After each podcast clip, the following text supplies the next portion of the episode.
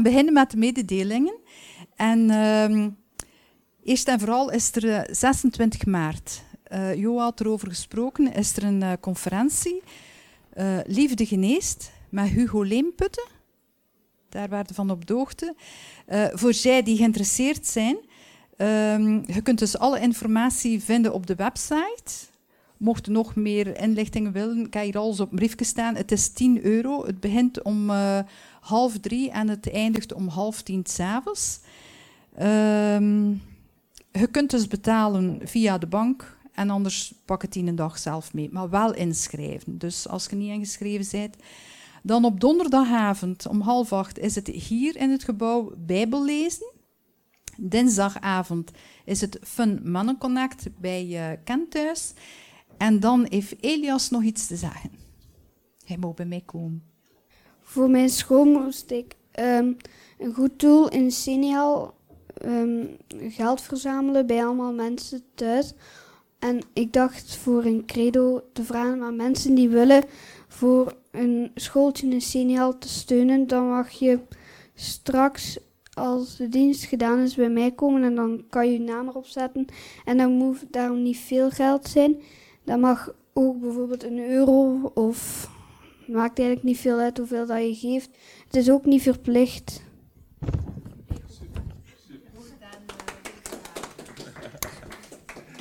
Ja. Dank u. Goedemorgen, goedemiddag, iedereen. Goedemorgen. Ja, het is al klaar. Hè. Goedemiddag iedereen. Ik ben Eddy. Maar dat je waarschijnlijk wel gezien op... Uh... Dus mijn vrouw die zit achteraan, dat is Magda. En Joa heeft mij gevraagd om uh, de dienst te leiden. En ik uh, ben echt blij dat we, hier, dat zijn, de eerste keer. Hè. Dat is een, een, mooie zaal, prachtig, fantastisch, mooi werk gedaan. Mooi, dank u. Dank u voor iedereen. Fantastisch. Ik zou eerst willen bidden. Vader, we danken u we danken u, Heer, dat u hier in ons midden bent. Heer, want uh, waar twee of meer mensen aanwezig zijn in mijn naam, dan ben ik in uw midden. En Heer, ik dank u dat we mogen weten dat u hier in ons midden bent. En ik bid u, Heilige Geest, wilt u waaien in deze ruimte, wilt u mensen aanraken, Heer. Want u bent een en al liefde, een en al goedheid. U hebt het beste voor met de mens beste voor met de kinderen. Heer, u omarmt ze. U hebt ze lief. Ik dank u, Heer. We willen u aanbidden, we willen u groot maken, want u, Heer Jezus, hebt alles verbracht aan het kruis. Alles verbracht. We kunnen er niets meer aan toevoegen. U hebt het allemaal verbracht. Tetelestai, hebt u gezegd, het is volbracht. We kunnen er niets meer aan toevoegen. Helemaal niet. En uw woord is de waarheid. En u bent de waarheid. En we danken u daarvoor, Heer, dat u onze rots bent, onze vesting, onze burcht, waarin dat we kunnen schuilen en dat we helemaal omarmd zijn door u. Ik dank u, Heer, dat u alles weet van ons, kent van ons. Niet om schrik te hebben, wij moeten daar geen schrik van hebben. Nee, we weten dat u ons kent door en door. U weet onze nood, u kent onze tranen, maar kent ook ons de leuke dingen. En u houdt ervan, Heer, dat we transparant zijn naar u toe. En dat willen we ook zijn, Heer. Gewoon open naar u toe. We danken u daarvoor, Heer. Amen. Laten we God aanbidden, Hem groot maken, Hem lofprijzen, Hem eren. Dank u. God heeft met iedereen een plan. We zijn niet zomaar op deze wereld gekomen. God heeft een roeping voor ons leven. Voor eigenlijk ieder mens die geboren wordt op aarde, heeft hij een roeping. De ene stapt erin, de ander stapt er niet in. De ene kent God, de ander kent God niet, dus kan er ook niet instappen. Maar God trekt alle mensen. Als ik uh, naar mijn leven kijk, dan stel ik vast dat God mij jaren getrokken heeft. Ik kan dat wel niet doen natuurlijk. Maar achteraf bekeken Hmm, ja, dat was God ook aan het werk. En dat was ook God aan het werk. Oeps, ja, ja, inderdaad, ja. Dus God heeft een doel met ieder van ons. God houdt van ons onvoorwaardelijk. Je moet je best niet doen, omdat God van u zou houden. God houdt van u. God is liefde, dat is zijn natuur. En liefde vraagt relatie. Liefde hunkert naar relatie. En daarom heeft hij een mooie omgeving gemaakt en daarin een mens gezet. En dan zitten we natuurlijk in Genesis hoofdstuk 2. Dus, uh, ik weet niet, als je de Bijbel eventjes wilt bijnemen, hoofdstuk 2, vers 9. We gaan spreken over de twee bomen in de Hof van Eden. De boom van kennis van goed en kwaad en de boom des levens. Dus Genesis hoofdstuk 2, vers 9. Um, de tekst die ik voorlees komt uit de herziene statenvertaling. Alhoewel ik tegenwoordig meer en meer aan het lezen ben in een nieuwe Bijbelvertaling van uh, het jaar 21, die is pas uitgekomen. Nou, die is ook wel goed. Goed, dus hoofdstuk 2, vers 9. En de Heere God liet allerlei bomen uit de aardbodem opkomen, begerenswaardig, om te zien en goed om van te eten. Ook de boom des levens in het midden van de hof en de boom van kennis van goed en kwaad. Dus dat was zo niet uh, een boomken op één hectare grond. Dat gebied was heel groot. Dat ging tot in de Eufraat en de Tigris, tot zelfs tot in de Nijl, want in die tuin ontspringen er vier stromen. Maar goed. Dus in het midden van heel dat gebied twee bomen. Twee bomen die begerenswaardig waren. Het water liep uit uw mond als je er naar kijkt. Wauw, zo goede vruchten. Dus, maar zowel bij de ene boom als bij de andere boom. En God zei, je mocht één ding niet doen, en dat is in vers 15 en 17 staat dat, van hoofdstuk 2. De Heere God nam de mens en zette hem in de hof van Eden om die te bewerken en te onderhouden. Dus ze kregen de autoriteit om de hof te bewerken en te onderhouden. Ze hadden ook de autoriteit over de dieren en zo. Dus ze hadden volledige autoriteit erover. En de Heer God gebood de mens van alle bomen van de hof mag u vrij eten. Alles mag je eten. Maar van die ene boom, van de kennis van goed en kwaad, daarvan mag u niet eten, want op de dag dat u daarvan eet, zult u zeker sterven. Nu, heel veel mensen die vragen mij, of vragen ons, waarom heeft God dat gedaan? Die een boom erin geplant. Alleen is dat nu toch mogelijk? Hij zou dat er beter weggesmeten hebben. Nu, God is liefde en hij verlangt ernaar dat hij zeker weet dat het vanuit uw hart komt, dat je hem ook lief hebt.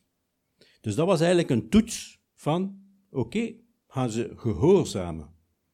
En als je zo een keer kijkt naar de geboden en naar de beloften in de Bijbel, dan zie je er altijd voorwaarden aan gekoppeld. Er komt er altijd een zegen bij, of, als je ongehoorzaam bent, een vloek. Het in eh, Deuteronomium zegen en vloek. God zegt, als je gehoorzaam bent, dan krijg je alles, dan gaat alles goed gaan, de oogst gaat goed gaan, er zal geen ziekte zijn, uh, geen oorlogen, je zult niet verbannen worden, enzovoort. Dus prachtig als je gehoorzaam bent. Maar als je ongehoorzaam bent, oh jee. Dus de mens is verwittigd. En hier ook. Als je van die boom eet, van kennis van goed en kwaad, zult je sterven.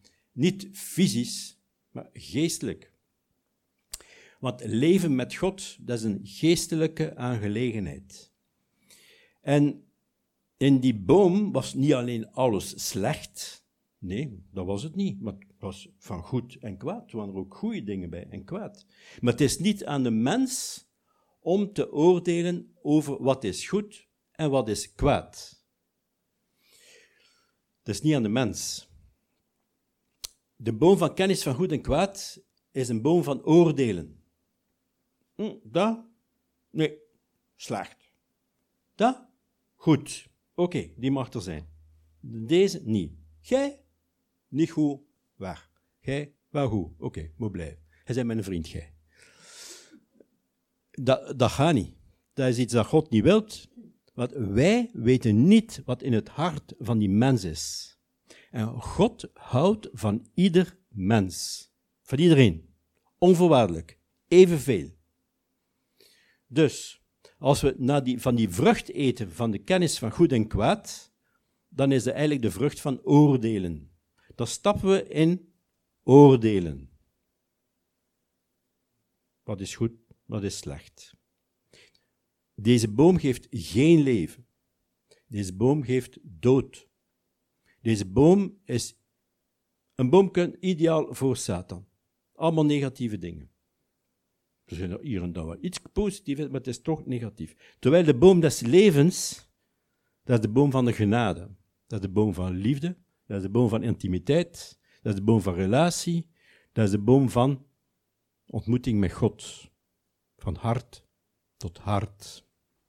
Nu, Eva eet er toch van, want Eva was ondertussen gekomen, want de mens, dat was uh, ene persoon, maar uit zijn zijde of uit zijn rib is Eva gekomen. En Eva zag toch dat dat boomke, die vrucht, toch wat er heel beheerlijk uitzag. En dat zag er toch wel heel lekker uit. En ze werd verleid. Want het was er zo'n slang die aan het babbelen was en aan het doen was. En die zei in Genesis hoofdstuk 3, dat was een listig dier. En hij zegt, ja, maar is dat echt wel zo dat God gezegd heeft dat hij van, van alle bomen niet mocht eten in de hof? Hoor hem? Zo is hij, hè? Van alle bomen? Nee, nee, nee, nee.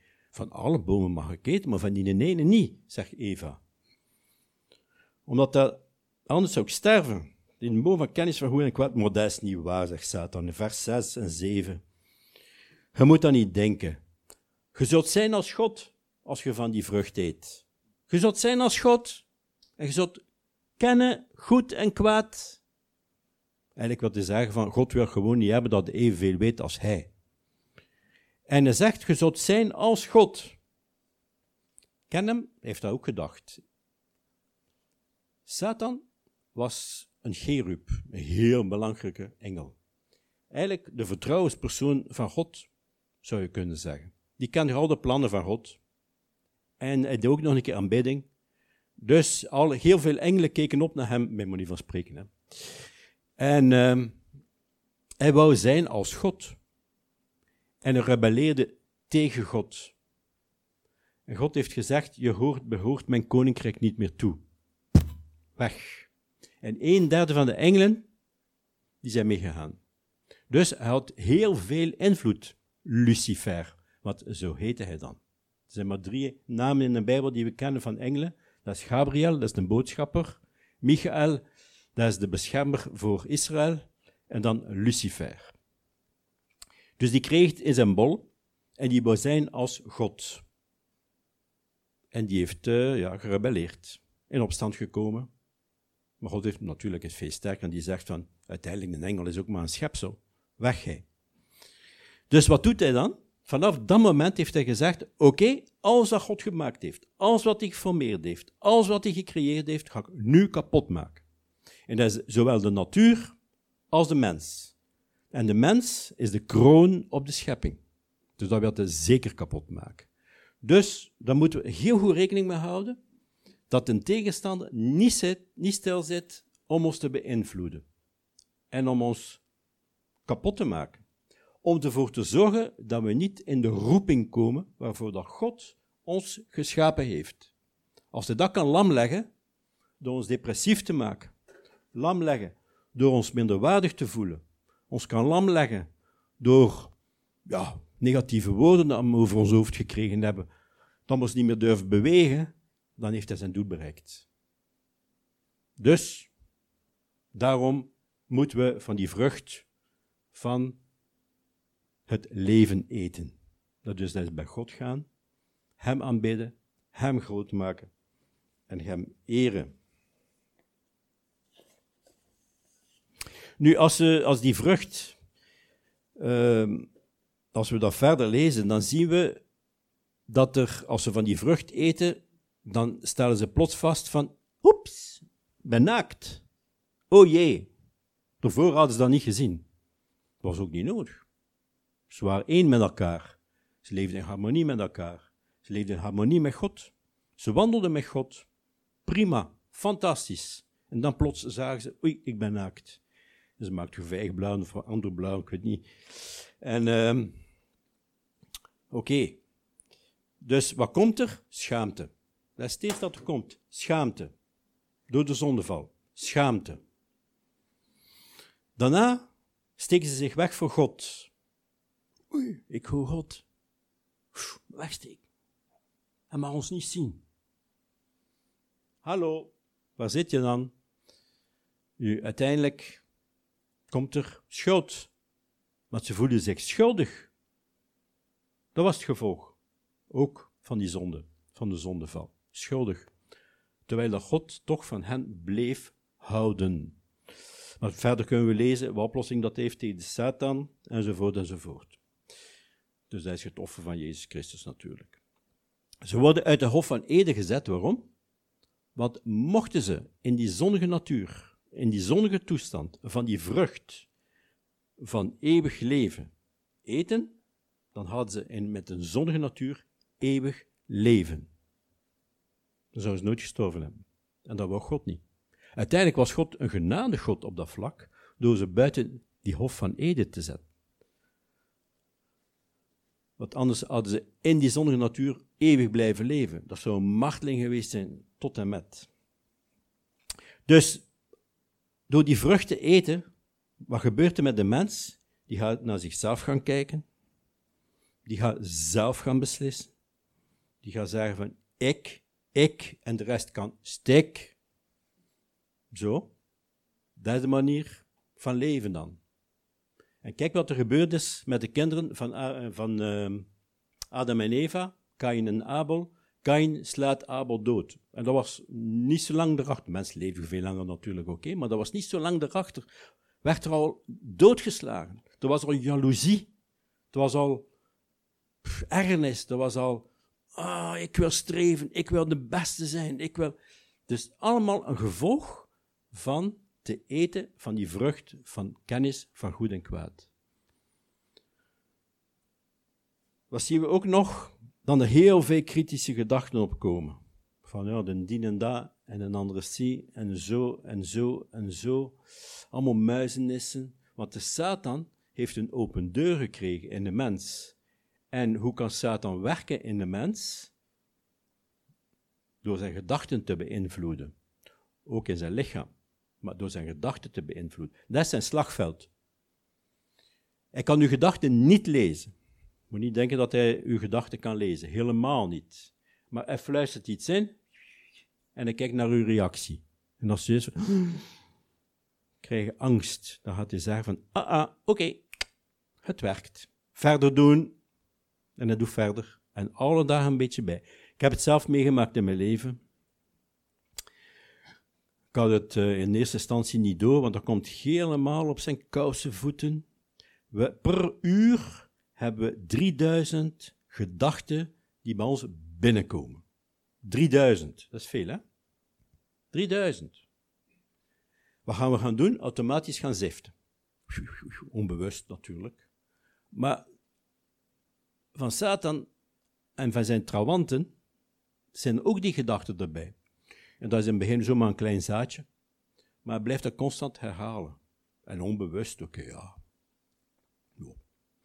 Maar dat groeit en groeit en groeit. En om een duur wordt het een struik en om een duur wordt het een boom. En dan zitten we vast. En dan worden we gebonden. Dan wordt het een. Moet? Dat kan een verslaving worden, of dat kan, kan een, een, onze vrijheid beperken, ook de relatie met God beperken enzovoort. Relatie met onze vrouw, met onze man, dat kan allemaal. Dus daarom zegt God, Jezus in 2 Korintjes hoofdstuk 10, wij voeren geen strijd naar het vlees. Kunnen wij van alles en nog wat doen tegen mensen, Mensen die ons pijn doen, mensen die negatief spreken over ons, mensen die ons vervloeken, mensen die ons, ik weet niet wat allemaal aandoen, dat gebeurt. Iedereen heeft dat meegemaakt. Als hij kleintjes was, als hij groot was. Op het werk. Zelfs door uw ouders kan dat. Door een onkel, door een vader, door een uh, grootouder, wat dan ook. Allemaal negatieve woorden over u spreken. Maar God zegt van, die bolwerken die ontstaan, die gedachtenspinsels die ontstaan, die moet je slechten, die moet je afbreken. En dan moet je de kennis van God tegenstellen. Niet geloven wat je allemaal ingefluisterd krijgt. Ik ken iemand die, uh, die denkt dat hij zwaar ziek is. En die is daar constant mee bezig. Constant. Constant. Schrijft er van alles over, leest van alles. En als je hem ziet en hoort, dan is dat onmogelijk dat hij die ziekte kan hebben. En dat is gewoon een bolwerk. Een bolwerk. En dan loopt er gewoon in mee. En dan, gaat het, dan wordt dat maar slechter en slechter en slechter. En heel zijn leven is nu in functie van dat bolwerk, van die ziekte. Echt, hè? Maar dat is dus mogelijk. Dus we moeten dat slechten. We moeten dat Gods woord er tegenover stellen. Nu, alle negatieve woorden die we binnenkrijgen, is van Satan. God gaat geen negatieve woorden geven. God gaat wel zeggen van, mm, mm, best niet doen, Gods geest, best niet doen. Mm, dat klopt niet. Maar gaat geen negatieve woorden geven. Ga niet zeggen van, jij bent een domrik. Of jij bent een nezel. Of jij zei, wat, stikt hij hier allemaal uit? Allee jongens, come on, zul je beter niet geleefd hebben. Dat gaat hij niet zeggen. Het zijn altijd positieve woorden. Altijd woorden tot opbouw. Mensen kunnen dat wel zeggen tegen ons. Ik herinner me goed, mijn vader, ik wil hem niet slecht maken. Mijn vader die zei tegen mij, ik wou iets doen, ik wou uh, een afloop leggen en zo, ik was een jaar of veertien zeker. Ik zou ik dat wat doen, zou ik dat wat doen. Mijn zoon nacht. Maar leed toe, kuch jij dat niet. Maar, wanneer dat zo, een nozelaar. Ja, die woorden, die zijn mij altijd blijven achtervolgen. En ik heb daar moeten naar werken. Al die negatieve woorden die uitgesproken worden door mensen, vooral door mensen die een bepaald gezag over u hebben, en dat kan een voorganger zijn, ook. Dat kan een leerkracht zijn, dat kan een ouder zijn, dat kan een nonkel zijn, dat kan iedereen die boven u staat, op uw werk, een baas, wat dan ook.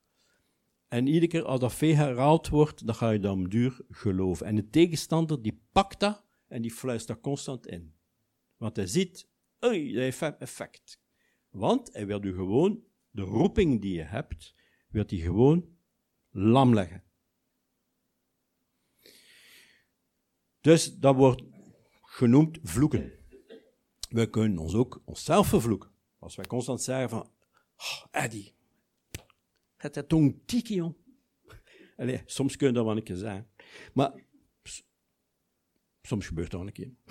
Maar als je zo echt jezelf in de grond boort, en je blijft in de grond boort, en je gelooft dat, dan is dat een zelfvervloeking. Dat gaat om een duur in je hoofd beginnen draaien. Van ja, ziet wel? Ja, ja, ja kan dat weer al niet, hè? Ziet wel? Ja. Dacht het wel, ja, ik ben er zo, hè. Dat is gevaarlijk. Die woorden zijn heel gevaarlijk. Heel gevaarlijk. God zegt, ook als mensen ons pijn doen, als mensen ons een mes in onze rug steken, of als er iets gebeurt met ons, dat we niet mogen oordelen naar die persoon. En wat bedoel ik met oordelen? Je mag wel beoordelen, dat is heel iets anders, maar je mag niet veroordelen. In Lucas staat er, wees dan barmhartig, dus ontfermt u over die persoon, zoals ook uw vader zich ontfermt over u. Oordeel niet, en u zult niet geoordeeld worden. Veroordeel niet, en u zult niet veroordeeld worden. Laat los, en u zult losgelaten worden. Laat los, wat staat er nog een keer? Oké en zult losgelaten worden. Moet waar zijn, hè? Geef En aan u zal gegeven worden een goede, vastgedrukte, geschudde, overlopende maat. Dat zal allemaal aan u gegeven worden. En dat zal in uw schoot gegeven worden. Want dezelfde maat waarmee u meet, zal u ook gemeten worden. Dus oordeelt niet, opdat u niet zult geoordeeld worden. En veroordeelt niet, zoals u niet veroordeeld worden. Wat wordt daarmee bedoeld? Ik heb een keer een verhaal gehoord van een persoon, dat was een Indiër, getuigenis. Door zijn vader kreeg hij altijd slaag. Vanaf een bepaalde leeftijd, laten we zeggen vanaf in het begin niet, heel kleintjes niet, dat spelen en doen enzovoort enzovoort enzovoort, maar ging naar school. En vanaf dat eerste studie dat ging nog, dat tweede studie was al moeilijker en de derde studie dat begon dat vol een bak. Hij kreeg verwijten aan zijn hoofd, hij kreeg slaag, en het is niet goed, en dat is verkeerd, en wat doe je nu, en bam, bam, iedere dag. En hij zei tegen zijn vader, tegen zichzelf, zo'n vader, dat wil ik niet. Dat wil ik niet, zo'n vent. Nee, zo'n vader moet ik niet hebben. Wat gebeurt er nu? Hij groeit op. Hij vindt een vrouw, een lieve vrouw, hij krijgt kinderen. Allemaal goed. Geen probleem. Tot een bepaalde leeftijd dan die kinderen naar de eerste studie gaan, de tweede studie gaan, naar de derde studie gaan en dat, dat begint Heel zijn gedrag verandert. Heel zijn manier van doen verandert. Heel zijn manier van handelen verandert naar die kinderen. En hij begint er ook op te kloppen. En begint ook te schelden. Begint ze ook uit te maken tot en met. Juist hetzelfde wat hij heeft meegemaakt door zijn vader. Juist hetzelfde. Je zou denken van, zo'n vader, dat moet ik niet hebben. Die me altijd slaat en doet en negatief spreekt. En uiteindelijk, wat zie je dan? Al de leeftijd er is, en de elementen zijn er om getriggerd te worden, schiet de wet van oordeel of veroordeling in hang. Zijn vrouw die zat in een bijeenkomst en ze hoorde dat en ze zei tegen hem, je moet een keer meekomen. Oké. Hij komt uiteindelijk mee en hij hoort dat. En hij zegt, ja, mij. Ja, het is eigenlijk juist hetzelfde dat er hier gebeurt. Dus hij gaat naar voren, laat bidden voor zich, hij beleidt dat, hij heeft er berouw over, hij vraagt vergeving aan God en direct slaat dat om en is de liefste vader die maar enigszins kan zijn voor zijn kinderen. En dat was die veroordeling, als je in die veroordeling gaat, dan ga je van de boom des levens, waarin je, dat je ervoor dient, misschien wandelde, terug naar de wet. Want dat kan niet dat kan wel, dat is slecht, dat is goed. En dan kom je in het terrein van de tegenstander, van Satan. Want die werkt heel graag met die wet. Van, hij doet verkeerd. Ponk, klop op hun kop. Zo is Satan. En heeft daar recht. Heeft daar recht. Want als jij werkt met de wet, dan heeft hij recht om die wet ook op jou toe te passen. Versta je het? Dan krijg je al. Als je stapt in die wet van veroordeling, dan heeft hij, Satan, het recht om ook naar jou toe die wet van veroordeling toe te passen, een andere wet, en u aan te klagen. U aan te klagen. Dus bij onze opvoeding van onze dochter, nu zijn man tijdje christen van 84, een heel proces doorgemaakt enzovoort, hebben we altijd getracht om, Sarah noemt ze, zonder H, zegt ze altijd, niet te veroordelen. Als er iets niet juist was, dan zeiden we, Sarah, persoonlijk vinden we, we vinden dat niet goed. We dat niet doen. Waarom? Zo en zo en zo en zo. Je zou kunnen zeggen, Sarah. Mooi jong. Doe zo dom niet, hè? We zijn een dommerik. En wat is nu mogelijk? Wat is het verschil? Het zit heel dun bij elkaar. Hè?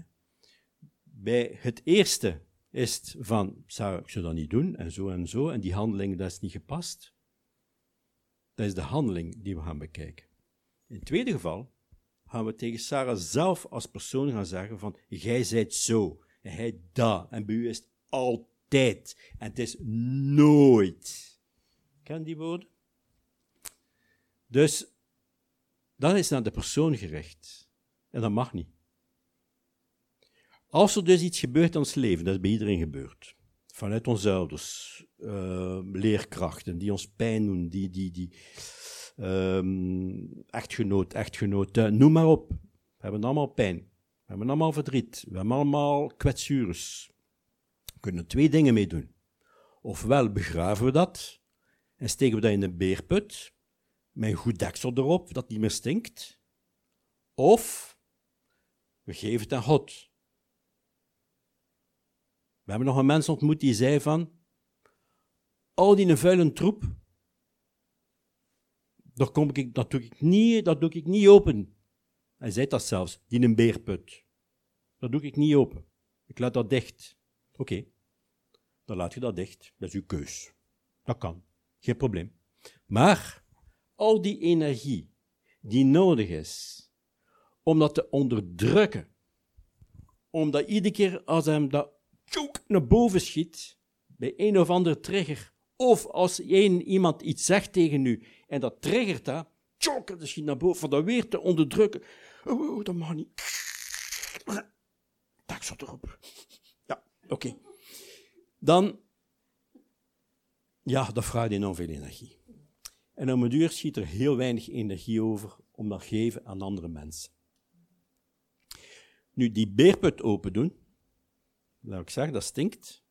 En dat is geen propere boel, maar het geeft u vrijheid. En daarom staat er ook in dat woord, laat los en je zult losgelaten worden.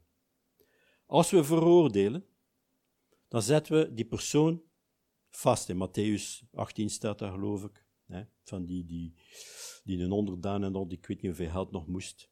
Dus als je zegt, ik veroordeel hem, dan steekt je hem bij manier van spreken vast. In de gevangenis. Maar God zegt van, aan de tegenstander ook van, uh -uh, je pakt de wet, jij vergeeft niet, dus ook vast op dat vlak. Alle twee zit je vast. En op dat gebied waar je niet vergeeft, gaat je niet meer vooruit. De andere gebieden eventueel wel, maar op dat gebied gaat je niet meer vooruit en zitten vast.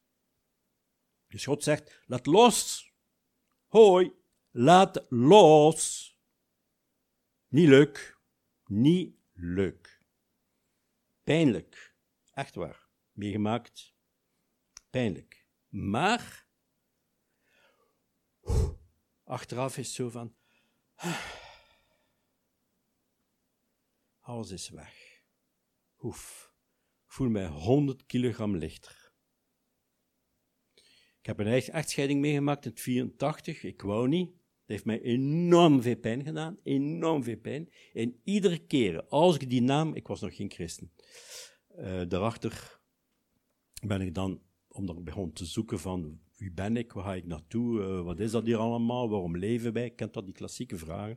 Ben ik tot bekering gekomen. Maar het heeft nog jaren geduurd, ik geef dat eerlijk toe, om dat echt ten volle vanuit mijn hart te kunnen vergeven om dat volledig te kunnen loslaten. Maar het was ook heel pijnlijk. Het was in aanbidding dat God zei tegen mij op een bepaald moment, laat, geef het nu aan mij. En ik zei, Heer, je mocht allemaal hebben.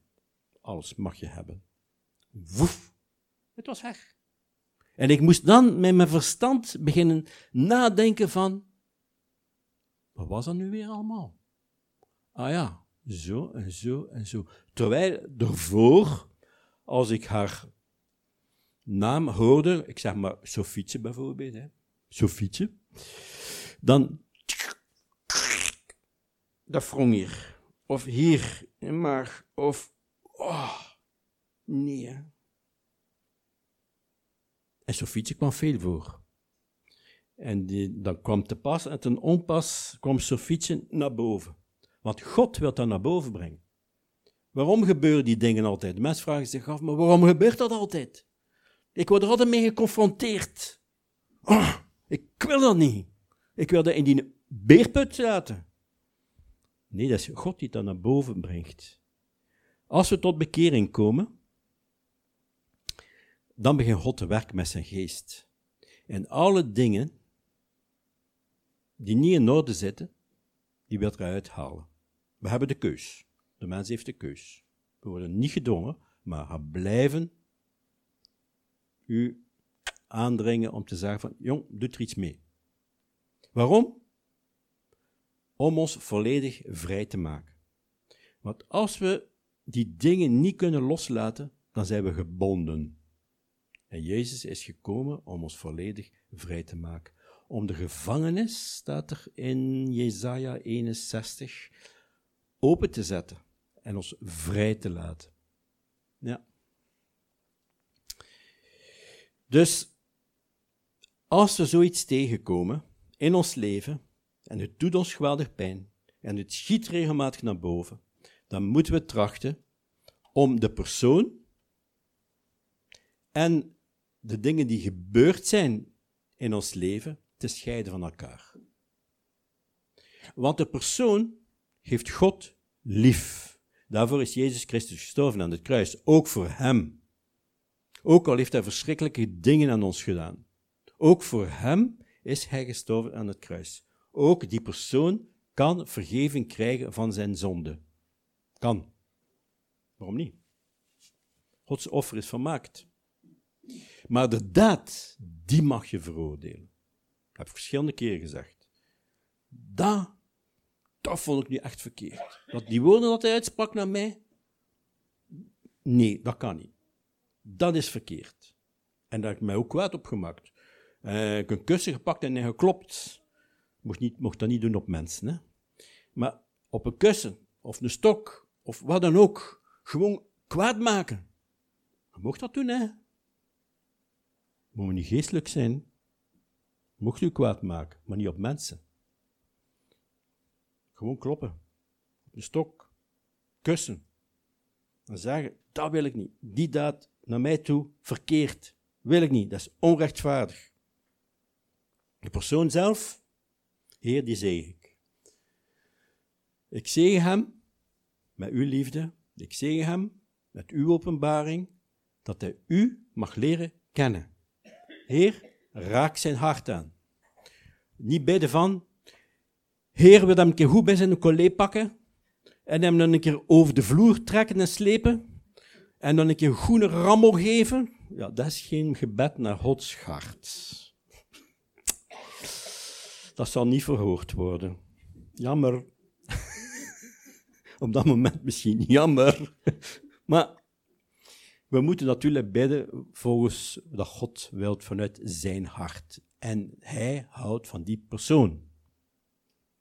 Dus Heer, raak hem aan. Als, ik, als we Magda en ik ruzie hebben met elkaar, dat gebeurt een keer, minder en minder. Maar het gebeurt. En soms heeft ze zij ongelijk, soms ik gelijk. Ah, niet, dat hetzelfde zeker.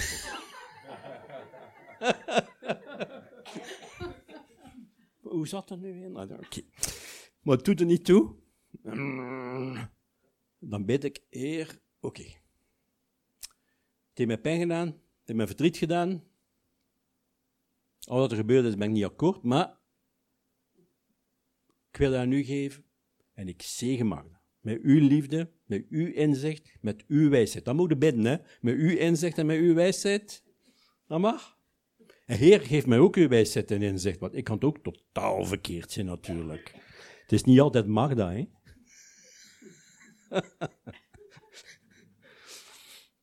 ik ook.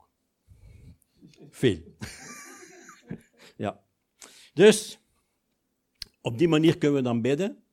En kunnen we ook, als we zo bidden, naar de persoon, die mens vrijzetten. En als die mens vrijgezet wordt, door hem te zegenen, kan God beginnen werken in zijn hart. Kan God hem inzicht en wijsheid geven. Anders niet, anders zit hij vast. En wij ook. Dus, laat los en je zult losgelaten worden. Die splinter, die balk, dat ken je wel, hè? De splinter zie je in ander zijn ogen, maar die een balk die in je ogen zit, dat zie je niet. Oh. Romeinen. Daarom bent u niet te verontschuldigen, o mens, want u ook bent die anderen. Wie u ook bent die anderen oordeelt, want waarin de, u de anderen oordeelt, veroordeelt je uzelf. U immers die anderen oordeelt, doet dezelfde dingen. Ja, dat is waar. En daarom zegt God tegen ons dat we ons moeten vernederen. En als we ons vernederen, ons klein maken, dan gaat Hij ons verheffen.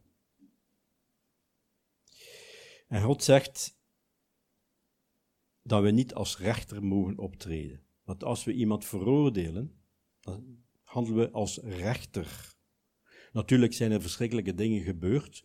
Dan moet de officiële instantie recht spreken, natuurlijk. Als hij verkeerd gedaan heeft, dan moet dat in een bak vliegen, natuurlijk. Dat gaat hem niet om. Maar wij zelf, wij kunnen iemand niet veroordelen. Want, zegt God, er is maar één iemand die als rechter kan optreden, en dat ben ik. Er is één wetgever, namelijk Hij, met hoofdletter, die kan zalig maken en te grondig richten. Maar wie bent u die over de ander oordeelt? Staat er in Jacobus. Sterk, hè? Wie bent u? Wij weten niet, als we naar een gedrag van een bepaalde persoon kijken, wat er echt omgaat in die persoon. We kunnen een schoenmaster opzetten, zo van, oh, zo lief. En in ons eigen denken van, moest ik, hè. Oh. Moet maar een keer afkomen, hè. Moet niet te vinden.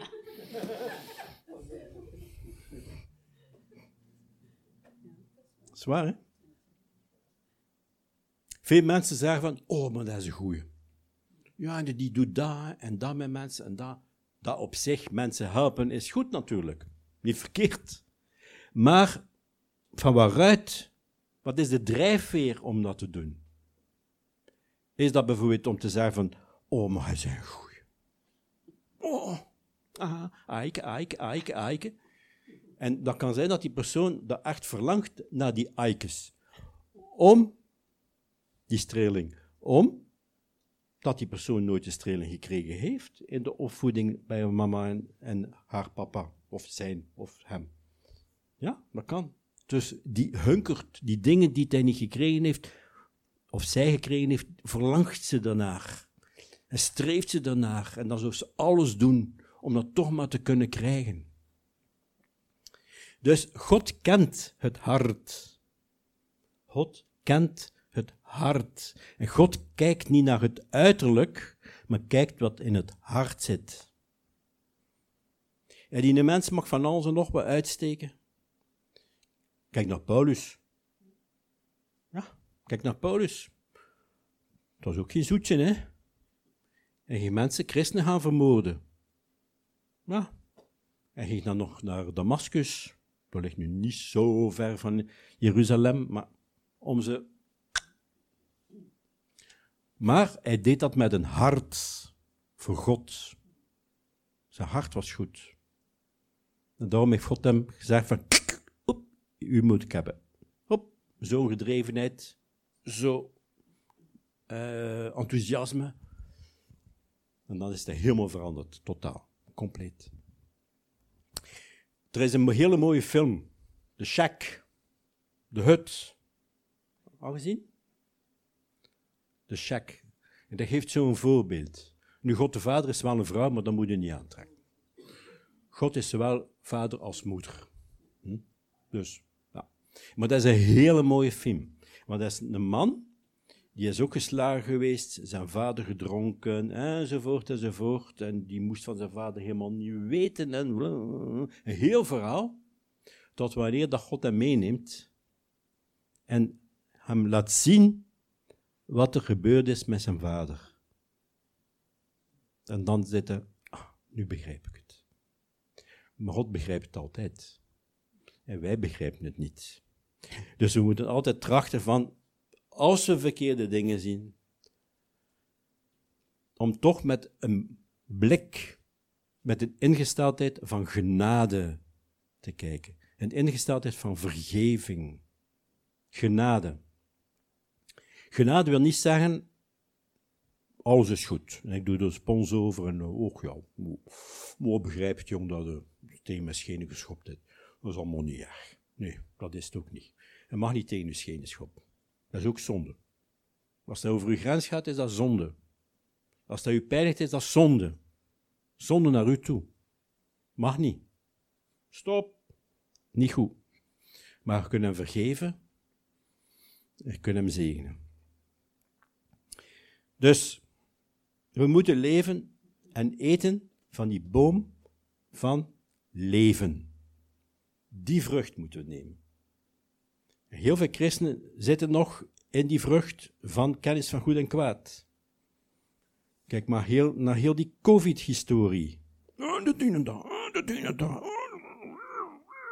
En tegen elkaar. Wam, wam, wam. Come on, zeg alstublieft. Hij respect me iedereen zijn mening. Ja. Met Oekraïne. Oekraïne, allemaal goed. Rusland, allemaal slecht. Moet je de geschiedenis lezen van Rusland. En van al zijn vazalstaten. Maar dat lezen de mensen niet. Die gaan gewoon af op de media, over het emotionele, en zien dan kindje. Het is verschrikkelijk. Ik hoor dat niet goed, hè. Maar iedereen heeft zijn mening tegenwoordig. En iedereen wil altijd zijn eigen gelijk hebben, maar toch hebben ze altijd kritiek op een andere. Een ander doet nooit goed. Maar ik doe het altijd goed, hè. Ah ja. Wel veroordelen naar anderen toe, maar ik wil altijd leven vanuit die genade. Ik wil niet hebben dat andere mensen mij veroordelen, nee. Maar zij mogen wel veroordelen naar anderen toe. Dat gaat niet, hè. Ofwel leven in de genade, en zijn we genadig naar anderen toe. En, oké, kunnen we dat ook ervaren andere mensen? En kunnen we er ook op een genadevolle manier op reageren? Of, maar dat moet ook kloppen krijgen. En dat is niet wat God wilt. Gewoon puur genade. Mijn dochter heeft iets meegemaakt en wel, we hebben kunnen bekijken met het oog van genade. Het was totaal verkeerd wat er aan gedaan geweest is, maar ik heb die persoon niet veroordeeld. Ik wou dat niet. Maar dat is God in mij geweest, want normaal gezien was dat onmogelijk. Maar goed, maar dat is God. En daarom aanbid God. Lees het woord van God. Wees stil voor Hem. Moet niet altijd bidden, hè? gewoon stilzitten voor Hem. Gewoon bij Hem zijn. En dat is belangrijk. Zo kan God ons denken veranderen. Wordt vernieuwd in uw denken, zegt God. Dat moet je allemaal veranderen. Want uiteindelijk komen we uit de wereld. Uiteindelijk zijn we zo opgevoed. Uiteindelijk zijn we zo dingen meegekregen van onze ouders. Want de ongerechtigheden van onze ouders gaat tot in het derde en het vierde geslacht. Dus wij, wij pakken boel mee van drie, vier generaties ervoor. En in Deuteronomie staat het zelfs een vloek van tien generaties. Dus daar hebben we allemaal invloed van. En daarom, ook als wij pastoraal doen, dan gaan we altijd kijken in het verleden van wat is er gebeurd? Hoe was die relatie? Wat waren de ouders? Waar waren de grootouders? Met wat hielden ze zich bezig, als je dat weet natuurlijk. Occulte dingen, niet occulte dingen, enzovoort, enzovoort. Een bloedverbond geweest met iets of met iets anders? Allemaal zijn invloed. Wat u moet weten, als er zware zonde gebeurt of een bloedverband geweest is in het verleden, dan heeft de Satan de claim op die familie. En dat zet hem gewoon door. En daar heb je last van. Dat kan verbroken worden door het bloed van Jezus. Alles kan verbroken worden en hersteld worden door het bloed van Jezus. Alles. Alles. Niets is te groot, niets is te zwaar, niets is te diep, niets is te hoog, niets te breed, niets te dun, niets te dik. Alles kan hersteld worden. Zo is God. Zo is God. Dus geef u over aan Hem. Leg alles bloot. Iemand had een man bij mij en die heeft voor de eerste keer in zijn leven alles open en bloot gelegd Alles vertelde aan mij. Gewoon open en bloot. Alles. Alles. Wel, die machten die eraan verbonden waren, die gingen zo weg. Die kunnen niet blijven. Wij zijn een huis. Zo wordt dat voorgesteld in de Bijbel ook. Wij zijn een huis. En als we zonde doen, en we blijven die zonde doen, dan staan er deuren open. Een deur. Of een raam. Of een gat in de muur. En daar heeft de tegenstander invloed op u. Op dat vlak. Daarom zegt God, het berouw en vergeef uw zonde. Zodat die deuren dicht gedaan worden. Niet gemakkelijk. Gewoon vragen naar God. Moeten niet zelf zitten uh, vroeten en doen en met ons verstand en wat weet de nacht allemaal. Gods geest brengt dat gewoon naar boven. En vraag, Heer, door mij, laat mij zien. En dan komen plots die dingen naar boven. Op een bepaald moment heb ik uh, een boekje uh, in mijn handen gekregen, Zegen en Vloek van Derek Prince. Daar heeft God twee jaar mee bezig geweest met mij. Uh, ik had een boek gekocht in een, uh, in een kerk. En die man die er stond, die zei, nou, dat een vrees slecht boek. Moet dat niet kopen. Dat is niet goed. Ik weet zelfs niet waarom dat, dat boekje niet ligt. Dat is niet goed. Ik zei, mijn eigen, dan ga ik dat kopen. Ja, zo ben ik niet eenmaal. Ja, ik voel, ik moet dat kopen. En mijn leven totaal veranderd. Ik heb op, ja, ik weet niet wat leeftijd, uh, 90, 50, 45 jaar zeker, ik weet niet, was ik. Uh, vroeg ik aan heer, ja heer, doe maar, uh, hop, hop, hop. En ik zag een gebeurtenis als ik, denk ik, in het lage middelbaar zat van 14 jaar. Zag ik dat plots. Voor mij. Komt dat nu? Dat is God. En dat was een gast die gewoon, ik moest naar de wc. En ik mocht niet naar de wc. En hij zegt tegen mij, gaat niet. Hoe zeg ik, ga niet. Dan ga ik wel. Ik was, pas op, ik was normaal een brave jongen. Hè. Dat nu niet voor het stoeven, maar ik was geen vechtersbaas. Hè. Helemaal niet. Het was voor de vrede. Maar, dat kan ik wel, jong, kom aan, allez. Nee, gaat niet. En hij pakt mij vast, hier, en hij draait dat om, klik, en dat knopje vliegt eraf. Ja! Dat was er te veel aan. Hè. Ik begin, doe mijn ogen toe en begin te kloppen. Met mijn ogen toe, hè. Allee, doe mijn ogen open, zijn een bril en dan mocht ik wel naar de wc. maar God zei, je moet hem dat vergeven. Je moet hem dat vergeven. Oep. Mocht niet naar de wc. Moet hem dat vergeven. En zo heeft God gewerkt, al die dingen naar boven gebracht. Al de woorden die ik over mezelf heb uitgesproken, al de woorden die dan mij uitgesproken is, allemaal weggedaan. Een hele periode geduurd, hè? heel lang geduurd. Maar kwam vrijer en vrijer en vrijer en vrijer. En blijer en blijer en blijer en blijer. Dus dat was uh, ja, heel leuk, heel goed. Dus, zaaigenade, oogstgenade. Zaailiefde, oogstliefde. De wet van zaaien en oogsten. Ziezo. Ja? uh, als je gebed wilt of een bemoediging, Magda en ik die willen voor u bidden. Heel graag. Zijn er vragen? Mocht vragen stellen, hè? Ik heb geen probleem mee. Als ik het niet weet, zeg ik het. Ja, zeg maar. Wel, ja, wel als, als er dus een pact gesloten wordt, zeg ze maar iets, hè, dat is nu al zwaar, met de Satan bijvoorbeeld, dan wordt er heel veel met bloed gedaan. Hè bloed. Als je zo naar Kobo-films kijkt, of naar Indianenfilms, is altijd met bloed. bloed. Bloed. Bloed is leven. Bloed staat als teken van leven. Dus als, als je een verbond sluit met iemand met bloed, is dat een verbond die niet kan verbroken worden. Jezus bloed heeft gevloeid. Er was ook een verbond dat hij gesloten heeft met ons. heeft ook een verbond gesloten met Abraham. Hij heeft dieren door het midden gesneden en is er doorgewandeld. Hij is er doorgewandeld. De mens niet. Waarom niet? Omdat de mens die kan geen verbond houden met God, die kan zijn woord niet houden. Dus God heeft dat gedaan. En dat is onverbrekelijk, een verbond. Dus als er iemand in de familie zo een verbond sluit, een bloedverbond sluit met de tegenstander, dan heeft hij zijn invloed op ons leven. Omdat de tegenstander zegt van, je hebt een verbond gesloten met mij, dus je bent mijn eigendom. Je bent van mij. Je bent een instrument van mij.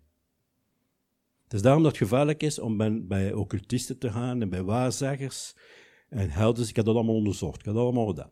Helderziende, waarzeggers, pendelaars, uh, al die dingen. Die mensen hebben allemaal invloed over je leven.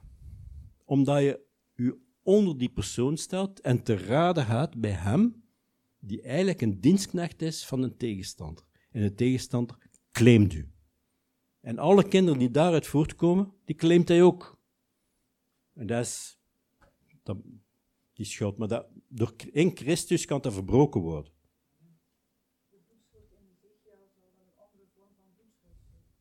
Ja, ik zou een keer heel de tekst moeten lezen.